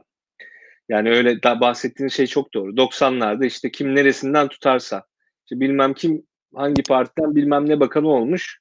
Hani gidelim ondan 3-5 bir şey kopartalım falan gibi bir şey vardı. Şu an artık o dağıtım mekanizması falan çok fazla merkezileşti. Çok düzenli bir şekilde ilerliyor. Fakat orada da yani işte e, aslında yayından önce sizle biraz sohbet ederken konuşmuştuk. Şimdi devlet kapasitesi de önemli bu iş için. Şimdi orada artık biraz işler yavaşlamaya başladı. Çünkü ha. Türkiye'de çok ciddi bir doğal kaynak ekonomisi yok. E, kaynak üretmek çok daha zor. Türkiye ancak dış e, yatırımlarla e, kaynağını, e, yatırım kaynağını, özellikle kamu sektörünün yatırımının kaynağını sürdürebiliyordu. Çünkü ülke içinde de tasarruflar yeterli oranda değil. Sürekli bir dış kaynak ihtiyacı var. Şimdi Rusya'da biraz daha durum farklı ve devlet kapasitesi o nedenle e, biraz daha farklı ve tecrübe değişik.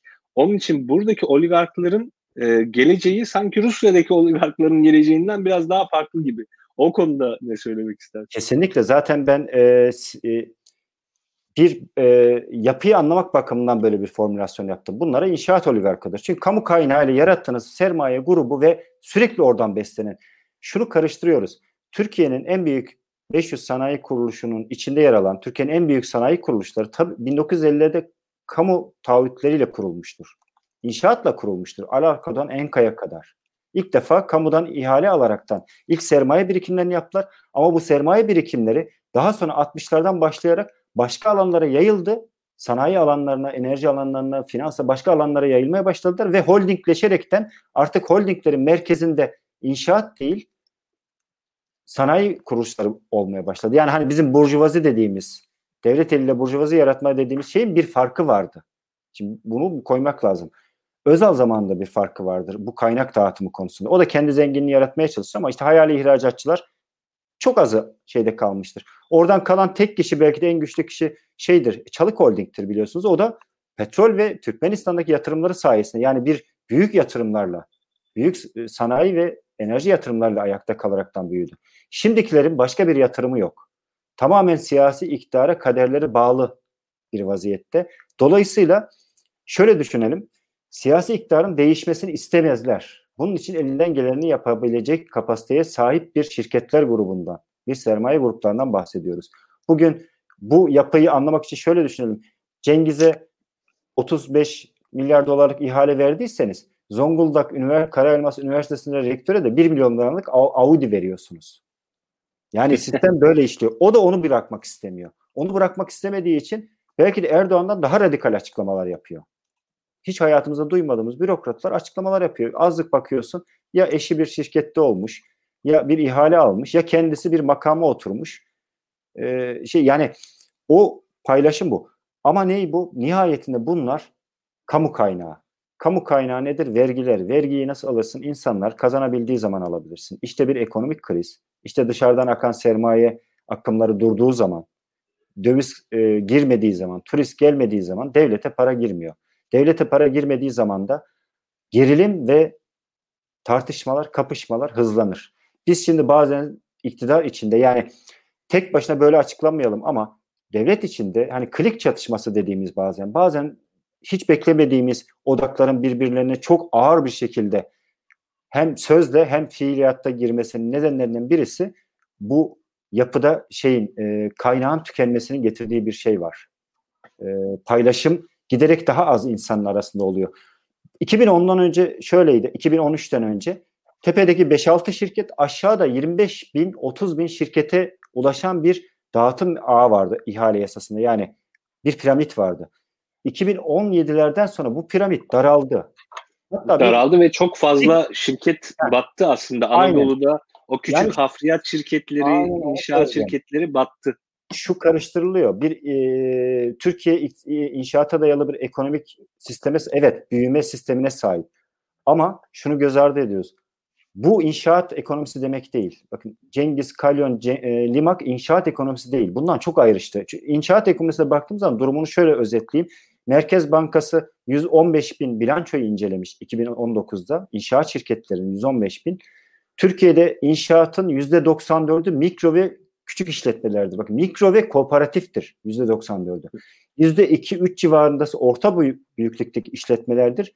Orta büyüklükteki işletmeler genelde konut yapanlardır. Bildiğimiz işte görürüz. Yani yapıyor, satamıyor falan filan. Faize bağlı, bir sürü şeye bağlı. Çok kolay batıyor. %1.1'i büyük işletmelerdir. Bu büyük işletmelerin de yarısından fazlası sadece altyapı ihaleleri alıyor.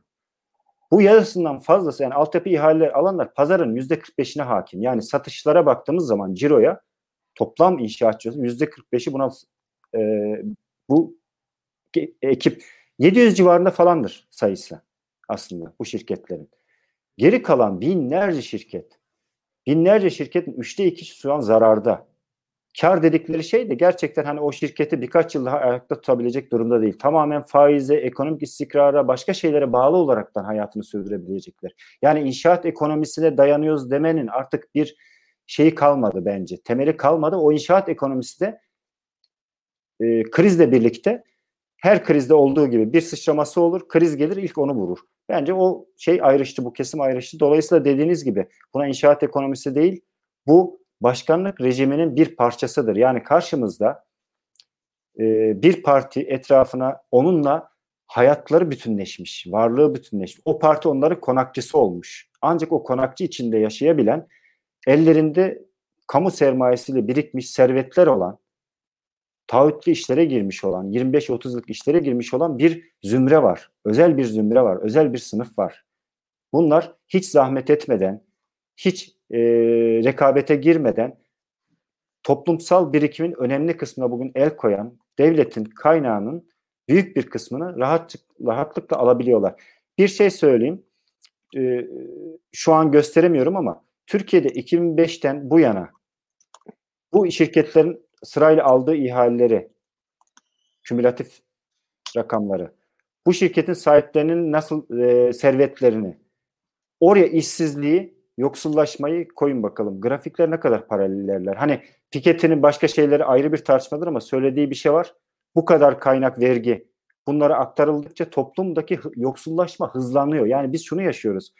Değersizleşme ve hızlan e, yoksullaşmanın hızlanmasının nedeni sadece ekonomideki bozulma değil. O zaten eskiden beri Türkiye'deki bir sorundur. Ekonomik istikrarsızlığın, yapının getirdiği bir yoksullaşma vardır. işsizlik vardır. E, değersizleşme vardır. Ama bu kadar yoğun, yani şöyle dünyanın e, merkezinden o mamayı bütünle çektiğiniz zaman bir yerden deforme olur. Hani içindeki şeyleri, mineralleri bir anda. Bu elektrik süpürgesi gibi devlete bağlamışsanız milyarlarca dolar çekiyorsunuz. Şimdi bu ne, ne demek? Bu karşınızda binlerce insanın bir anda hayatının alt üst olması demek. Okuma e, eğitimli nüfusun değersizleşmesinin nedenlerinden birisi budur. Bugün üniversite mezunlarının asgari ücrete mahkum olmasının nedenlerinden biri budur. Çünkü Türkiye'de iktisadi faaliyetin ana gövdesi nitelik gerektirmeyen işlere oturmuş durumda. Tam da onu söyleyecektim. Onu ekleyeyim ondan sonra devam edelim. Ben çünkü bu vurguyu neredeyse her programda yapıyorum. Yapmak da istiyorum. Ya bu bahsettiğimiz, bu konuştuğumuz her şeyin aslında orta direk üzerinde ciddi bir etkisi var. Şimdi tamam alt gelir grubuna da bir etkisi var. İşte üst gelir grubuna da bir etkisi var. Onlara nasıl bir etkisi olduğu çok anlaşılamıyor. Ee, bir farklı ölçüm metotları şeyi var. Alt gelir grubuna da bir etkisi var evet ama en çok etkisi orta gelir grubuna. Çünkü aslında gelirine oranla en çok vergiyi veren kesim orta gelir grubu. Yani bizim 70'lerde o orta direk dediğimiz insanlar. Hakikaten böyle giderse bir süre sonra bu sistem böyle giderse biz şey göreceğiz işte o yamalı ceketli işte 70'ler memur tiplemesi vardır ya orta direk. Yani öyle ondan olacağız. Daha, ondan daha kötü olacak. Yok hani 3-5 sene içinde böyle olur. Ondan sonrasında daha da kötü olur. Çok doğru söylüyorsunuz. Ee, şöyle bir ayrım yapmak lazım.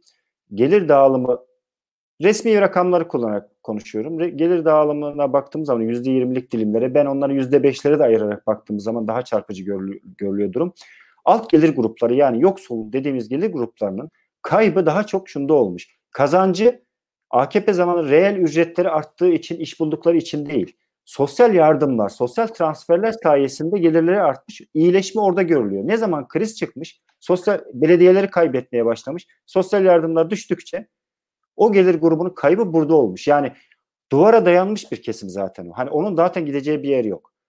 Orta katman özellikle Türkiye'de e, 2010'lara kadar orta üst katmanlarda bir gelir artışı vardı. Yani hem eğitimlerine göre hem Türkiye'nin işte Batı finans sistemiyle daha çok entegre olmasıyla gelen kaynakla işte o yabancı yatırım diyelim bir sürü bir şeyle birlikte dünyadaki eğilime paralel bir şekilde bizde orta üst katmanlar daha genişlemişti. Gelirleri artmıştı. Refah, yaşam standartları artmıştı. Yani yaşamları değişmişti. Hatta onların bir kısmı CEO'luk, şirket yöneticilerine evrilen bir kısmı da oldu. Girişimciler de oldu. Yeni şirketler de kurdular. Bunu aslında çok rahat görebiliyorsun.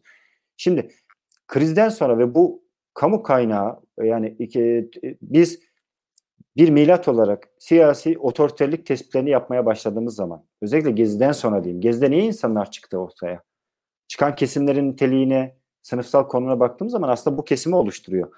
Bu Tabii kesimi orada hakikaten şey vurgusunu yapayım yani biz de Gezi'de işte ya ben sürekli oralardaydım. Hakikaten o şey doğruydu. İşte bu e, kısmen apolitik diyebileceğimiz o beyaz yaka çalışanlar vesaire falan filan şimdi bazıları onları sorumluluk almamakla suçluyor ama Gezi'de o kesimdeki insanlar kendilerinden hiç beklenmeyecek şekilde bir şekilde sorumluluk almıştı ve bir aksiyon göstermişti. Ha o aksiyonun sonrasında bir siyasi devinime dönüştürülememesi Türkiye'nin o kısır e, siyasi tartışmalarından ötürü olabilir ama Gezi bile eskidi artık. Şimdi beni izleyenlerin birçoğu büyük ihtimal hani o dönemlerde belki e, şeyde değillerdi yani belki şehirlerde bile değillerdi, sokaklarda değillerdi.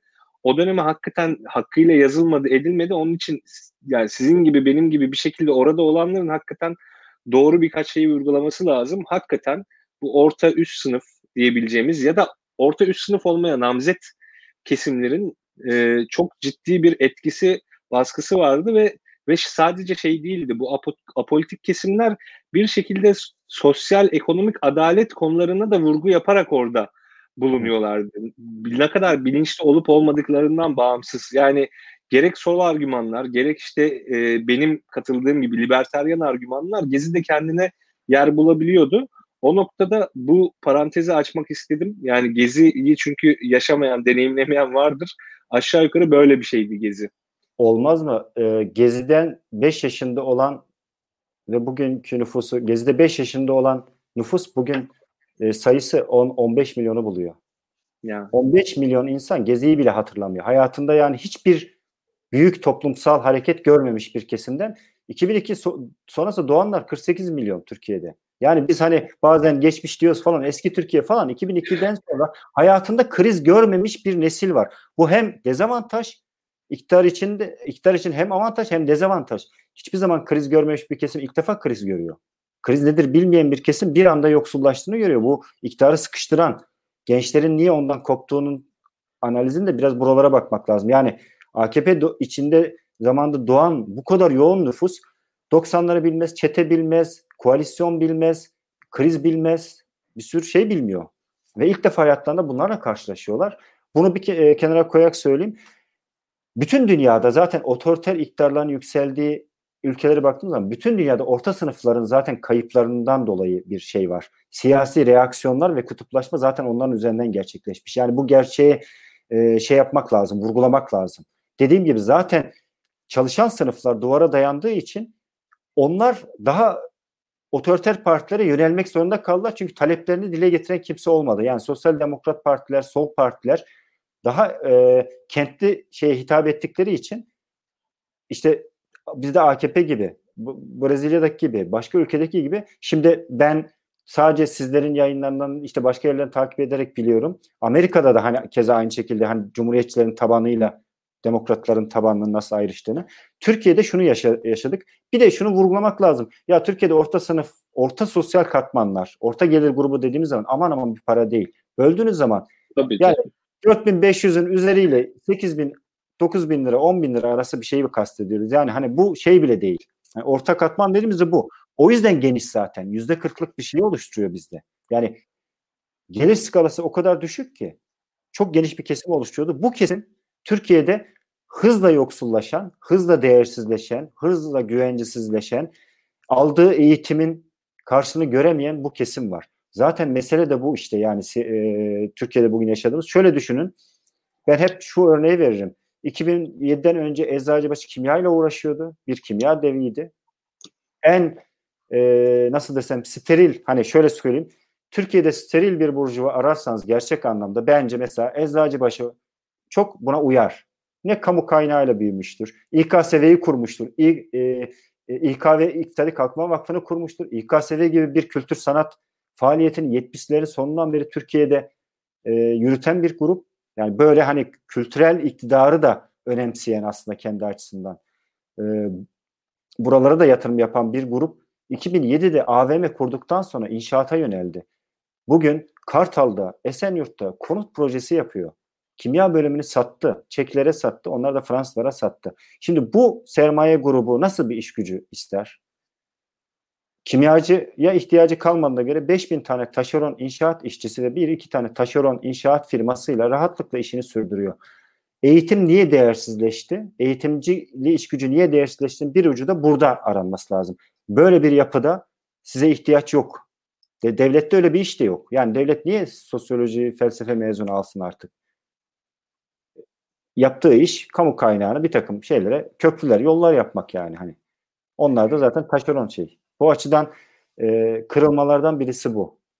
Kesinlikle. Bir de yani e, e, e, yanılmıyorsam Piketty'nin hazırladığı datalarda vardır. Yani oradan çıkartılabilir e, rahatlıkla. Bugün otoriter dediğimiz ülkelerin tamamını seçsek, seçiyoruz. Ve orta sınıflar burada ne, ol, ne oldu diye seçelim. Bir de dünya ortalamasını koyalım. Otoriter tabir ettiğimiz rejimlerin hepsinde yüzde kırklık orta sınıfların payı hızla azalmış. Dünya ortalamasının altına düşmüş. Bakın dünya ortalaması arttı aslında. Özellikle Batı Avrupa, kıta Avrupası sayesinde o oranın etkisiyle dünya ortalaması orta sınıfların aldığı paylar arttı. Ama bütün Brezilya'yı, Hindistan'ı, Türkiye'yi koyun, Güney Afrika ülkelerini koyun hepsinde Amerika'yı koyun. Orta sınıf dünya ortalamasının çok altında düşmüş. 2009'lardan sonra hani çok milat da vererek söyleyelim 2008 krizinden sonra orta sınıfların payı hızla düşmüş alt sınıflara yaklaşmış. Hani buna kimileri sizin dediğiniz gibi prekaryaş, prekaryarlaşma diyoruz. E, proleterleşme diyoruz. Ne dersek diyelim. Bunun tanımını ne olarak koyarak e, koyarsak koyalım. Pandemiyle bu kamu kaynaklarının böyle başka ellere dağıtılmasıyla birlikte orta sınıflar hızla Türkiye'de şeye uğruyor. Ee, Erozyona uğruyor, refahları düşüyor. Refahları düşüyor. Şöyle düşünün. Oturduğunuz Kadıköy'de oturuyorsunuz. Kadıköy'deki parkı gelip adam inşaat yapıyor. Siz taşınmak zorunda kalıyorsunuz. Bir orta sınıf mensubu olarak. Çocuğunuz orada bir tane özel okulda okuyor diyelim. Taşınmanın maliyeti, başka yerde yaşamanın maliyetini üstlenmeye başladınız. Bütçelerdeki büyük oranda düşüşlerden birisi şuna döndü. İnsanlar daha rahat bir, daha güvenli, daha temiz havaya sahip, temiz çevreye sahip bir yerde oturmanın maliyeti 5'e 10'a katlandı Türkiye'de. Yani kolay değil bu, bu da şey fakirleşmenin, yoksullaşmanın bir şeyidir. Paranızı şeye harcamak zorunda kalıyorsunuz. Düzgün bir e, yerde oturuyuma harcamaya kalıyor, e, harcıyorsunuz. Kesinlikle. Ya bu işte hakikaten o konu önemli. Orta direğin erimesi mevzusu. Ya bir de ben özellikle orta direk lafını çok kullanıyorum. Biraz böyle pejoratif bir anlamı da olduğu için e, öyle kullanıyorum. Hatta yazarken de birleşik falan yazıyorum. Yani hmm. özellikle o yapıyı boz, yani kelimenin yapısını falan bozarak orada bir pejoratif şey yaratmaya çalışıyorum anlam. Ya çünkü biz hakikaten yani orta gelir grubu falan değiliz yani. Orta direğe doğru hızla yuvarlanıyoruz yani. O kafa yapısına e, erişmeye başlıyoruz neredeyse. Yani bir garip şey oldu. Bu prekaryalaşma mevzusu da hakikaten önemli. Türkiye'de de e, tartışılıyor ama tabii biraz böyle farklı yerlerden ithal gibi tartışılıyor. Türkiye'de işte o biraz önce nasıl bu ülkedeki olan şeye yolsuzluk diyemeyiz. Bu ülkede olan şey kötü yönetim. Hakikaten Türkiye'de olan şeye prekaryalaşma falan filan da diyemeyiz. Yani çok farklı bir yere gitti mevzu ve şimdi şeye bakıyorum ya bütçe açığına bakıyorum işte kamu özel işbirliği projelerine bakıyorum son dönemde kamunun borç yükü ödemeler dengesi ya inanılmaz bir vergi ihtiyacı var yani kamuda. Bu başka hiçbir şekilde çözülemez. Ya müthiş bir dış kaynak falan gelmesi lazım mucizevi bir şekilde. İşte ya da dediğim gibi bu Karadeniz'de şeyler bulunması lazım hakikaten. Ya da inanılmaz bir şekilde vergi yükü bilmesi lazım ve o vergi yükü de tabii bu Türkiye'nin vergi yapısından mütevellit, indirekt vergilerin çok olmasından dolayı e, yine orta gelir grubu diyebileceğimiz işte o orta direğin üzerine binecek ve biz daha da artık yaslanacağız evet. duvara. Yani burada o şey arasındaki uçurum kalkıyor. Özellikle pandemi döneminde ona vurgu yaptığınız iyi oldu. Ya biz hiçbir şekilde ben kendimi bir orta direk mensubu olarak tanımlıyorum. Tas tasarruf yapamıyoruz. Ne oluyor? Pandemide en ufak bir şekilde etkilendiğimizde aslında alt gelir grubunun gösterdiği davranış kalıbını gösterip bir şekilde işte yardım kampanyalarına başvuruyoruz. İşte bebek bezi bilmem ne. Ya yani böyle çok fazla insan örneğine denk geldim ve bu iç acıtıcı bir şey. Yani hakikaten bir ay öncesin bir ay öncesinde farklı bir hayat süren bir insanın bir ay sonrasında bu bu denli bir kopuş yaşaması çok kötü. Yani kimsenin böyle bir hayat yaşamasını zaten istemiyoruz. Orası ayrı. Fakat bu denli derin bir e, uçurum insanın hayatında ve insan hayatında çok e, keskin değişimlere sebep oluyor ve bu ekonomi hakkında bize bir şeyler gösteriyor. Şimdi yaklaşık 1 saat 15 dakika oldu. Ee, Bahadır e, aynen. Yani onu çok fazla uzatmayalım diyorum. Çünkü bu programın e, tekrarını evet. da Spotify'dan, YouTube'dan vesaire çok fazla dinliyorlar. Fakat birkaç kere yayınla özellikle sorularınızla zenginleştirin diye vurgu yaptım arkadaşlara. E, en azından bir iki soru alıp böyle kısaca cevaplasak e, ne dersiniz? E, ondan sonra yayını bitirsek uygun mu? Tabii ki. Tamamdır. O zaman ben şuradan birkaç soru not etmiştim. Soruları da ben seslendireyim sonradan podcast olarak da dinleyenler için.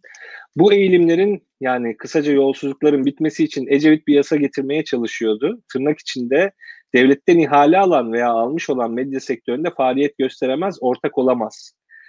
Bir, bu soruyu e, bu çözüm olur mu demiş bu yasa, Ecevit'in getirmeye çalıştığı yasa. Bu soruyu Rusya'daki ilk el değiştiren şirketin medya şirketi olmasından sonra sormuş arkadaşımız. Sorunun cevabı nedir sizce? Çözüm olur mu? Ee, bizde de medyaydı zaten. O yüzden aslında onu söylemiştim. Doğan medyasının evet. üzerindeki baskıyla evet. başladı. Şimdi dünyada bunun üzerine çok e, iyi çalışmalar var. Pek çok model yani pek çok yasa çıkartılabiliyor. Bu, bu bunlardan birisi doğru söylüyor. Çok doğru. Çünkü medya başka bir şey. Medya bir kamu hizmetidir. Onun sahibinin başka bir işle uğraşmaması lazım. Bugün niye hayranlıkla ABD medyasını izliyoruz? Bir başkanın sözünü nasıl kesebiliyor? Yalancısın diye NTV, MSNBC dün akşam Trump yalan söylediği için ben bu yayını yayınla, yayınlamıyorum diyebilen bir genel yayın yönetmeni nasıl olabiliyor? Bundan dolayı olabiliyor. Sadece medya sektöründe gelirinin medya sektörü medyadan olması lazım. Yani sadece o geliri harcayabilecek bir medya sektörü kurmanız lazım. Çok önemli bir şey, çok doğru. Bu bir çözüm. Pek çok çözüm. Yani nereden buldun yasası da gelmeye çalışmıştı. O da bir çözümdü. Ee, ama burada önemli olan şu bence. Temel şey şu. E, siyasi sistemi değiştirmemiz lazım. Yani bu siyasi sistemle olmaz. Ne kadar çok sivil toplum, sivil denetim, sendikaların e, denetimi olursa yani halk denetimi ne kadar çok yaptırabilirsek bürokratları da onlara karşı sorumlu kılarsak siyasi iktidara karşı değil meclise karşı, meclisin de halka karşı sorumlu olduğu bir sistem kuramazsak bunu çok basit, bu ütopya değil de şöyle söyleyeyim. Bütçe oluşturulurken her kalemde o kalemin harcanacağı kesimlerin örgütlülüğünü de çağırırsanız örgütlerini yani sen işçileri ilgilenen sendikayı çağırırsanız, mühendis odalarını çağırırsanız, TUMOB'u çağırırsanız, baroları çağırırsanız size o bütçede denetim hakkı verirseniz bunlara denetim rolü mecliste aynı zamanda bunu aslında sizin adınıza rahatlıkla oturursunuz birilerinin denetlediğini ve buna göz yummayacağını bilirsiniz. Yani bence devlet dediğimiz şeyin dönüşmesi lazım.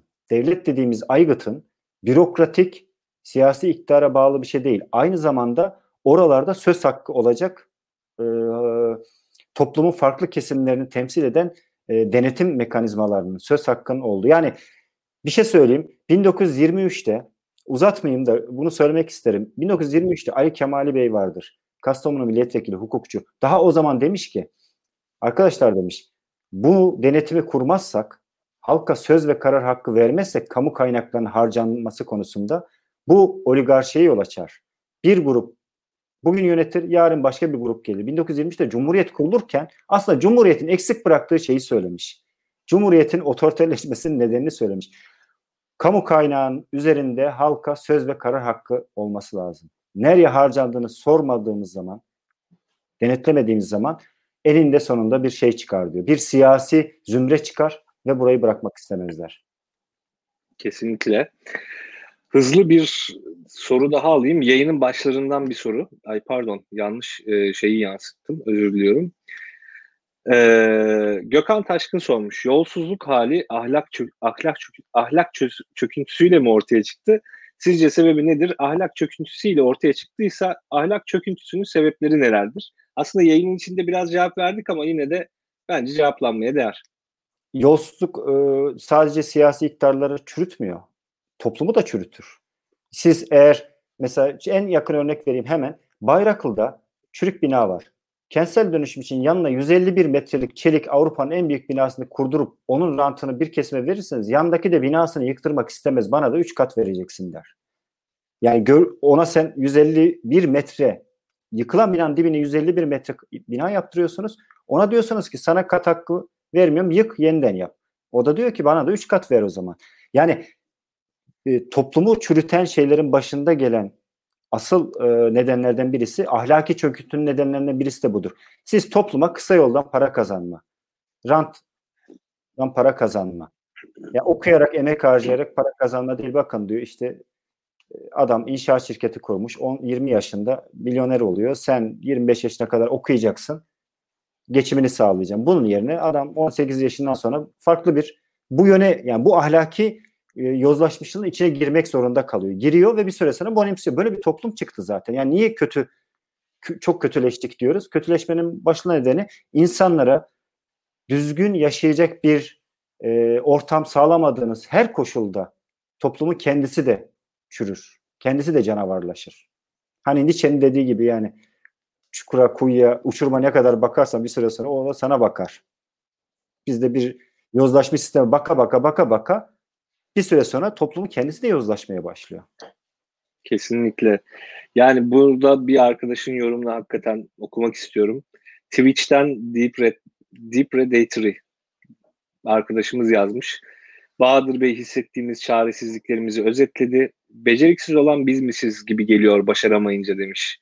Hakikaten e, tüm bu yolsuzluğun işte yolsuzluğu aşan şeylerin içinde e, aslında bizden maalesef yani biz gene bir şekilde sanki kendimi şanslı görüyorum. Yani benden bir sonraki nesil çok daha şanssız gibi geliyor bana. Yani en azından ben üniversitede dolar bir buçuk lirayken falan Erasmus yapmış. İşte euro 2, 2 lira mıydı neydi hatırlamıyorum ama öyle Erasmus yapmış bir insanım. Yani şimdi böyle imkanlar dahi yok. Yani o kadar anlayabiliyorum ki yani öğrencilerimizi işte arkadaşlarımızı o kadar iyi anlayabiliyorum ki o kadar canım sıkılıyor ki tüm bunları görünce. Biz şimdi hep böyle sorunun resmini çekiyoruz. En nihayetinde çözüme ilişkin bir şeyler de öneriyoruz ama tıkandığımız yer biraz önce bahsettiğimiz şey. Yani bu siyasi anlayışın değişmesi lazım. Bunu e, bunu gerçekleştirebilecek her harekete de ben özellikle yani canı gönülden destek olup böyle yüreklendirmek için elimden geleni yapıyorum hakikaten. Ee, ben çok mutsuz değilim ama. Yani ben yazarken o. karamsarım ee, ama şu var. Dünyada da bir şeyler değişiyor. Bugün Şili'de görüyor. Şili'de anayasayı değiştiren kesimlere yani dinleyen bizi dinleyenlere rica ediyorum bir bakın kimler? Öğrenciler or, e, işsiz kalmış, yoksullaşmış, baskıya uğramış avukat, doktor, mühendis bir, bir araya gelerekten oluşturdukları platformlara yani hiçbir parti yok. Partileri istemiyorlar bile şöyle diyorlar. Partiler e, Şi, e, Şili'de e, deniz e, deniz kabuğu gibi bizim işimize yaramıyor diyor. Kapalılar. Biz o yüzden bunların dışında ve par, e, kurucu mecliste parti istemiyorlar. Halk e, bu kesimin temsilcisi olsun diyor. Yani birileri yapmış, yapmaya çalışıyor. Ben Türkiye'de de çok umutsuz değilim o kadar sizin kadar. Çünkü en azından yo, yo. E, ben de umutsuz değilim. Ben ama, bugüne ama üzülüyorum. Şu, ya yani üzülüyorum yani. Evet şunu yapamıyoruz. Ya sabır gerektirir. Sabır ve sebatkarlık gerektirir. Kolay değil bir demokratikleşme, demokrasi kolay bir şey değil. Yani sabırla e, geçenlerde e, biliyorum uzattım ama şunu söyleyeyim. Geçenlerde evet, faşizm ve otoriterizm çalışan dünyada on demokrasiyi nasıl savunacağız? Tehlikede çok kırılgan gidiyor. Faşizm geliyor veya otoriterizm artık hakim oluyor diye. Orada ilk madde şuydu. Eleştirel ve kanıta dayalı düşünce ve medyadan vazgeçmeyelim. İlk madde. Eleştirel düşünce ve kanıt e, kanıta dayalı eleştirel düşünce ve medyadan vazgeçmeyelim. Yani kavramlarla konuşabiliriz ama kanıtları ne kadar ya sabırla e, şeyi anlatmamız lazım topluma. Sebatkarlıkla anlatmamız lazım. Biz çok çabuk şey bozuluyor moralimiz. Yani çok hızlı bozuluyor. 2019'da İstanbul seçimi oldu. E, iki kere oldu. İkisinde de e, şey yaşandı. Hani insanların en azından muhalif kesimde isteği. Üç ay sonra herkes morali bozuldu. Bir şeyler oldu Türkiye'de. Halbuki yani bu sabır adım adım küçük küçük e, yapılacak şeyler diye düşünüyorum. İnşallah bakalım. Yani benim de tabii umudum var. Ben bugün için sadece üzülüyorum. Bir zaman kaybı olarak gördüğüm için üzülüyorum. Yoksa geleceğe ilişkin umudum her zaman var. Yaklaşık 1 saat 24 dakikadır konuşuyoruz. Yani yok uzattık demeyelim. Bence daha da gider ama biraz böyle YouTube'un anladığım kadarıyla formatına, algoritmasına falan uygun değil ama bir program daha yapılabilir bence bu konular üzerine ve çok da güzel olur. Çok teşekkür ederim katıldığınız için. Var mı son olarak eklemek istediğiniz bir şey? Rica ederim yani çok sağ olun. Davet ettiniz. Bu kadar uzun konuşturdunuz. Teşekkür ederim. Estağfurullah. Ben teşekkür ederim. O zaman Bahadır Bey'i uğurluyorum ve ben de programı kapatıyorum arkadaşlar. Ee, beni izlediğiniz için, Daklo 1984'ü izlediğiniz için çok teşekkür ederim.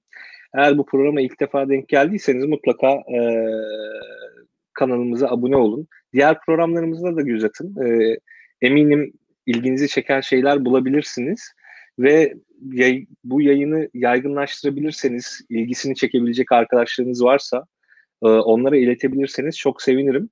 Aşağıda hem benim hem Bahadır Bey'in Twitter adresleri var. Oradan da bizleri takip edebilirsiniz. Daklo'nun web sitesine göz atabilirsiniz. Haftaya Cuma tekrar e, farklı bir konu ve konukla karşınızda olmak istiyorum. Umarım olabilirim. E, şimdilik görüşmek üzere. Hoşçakalın.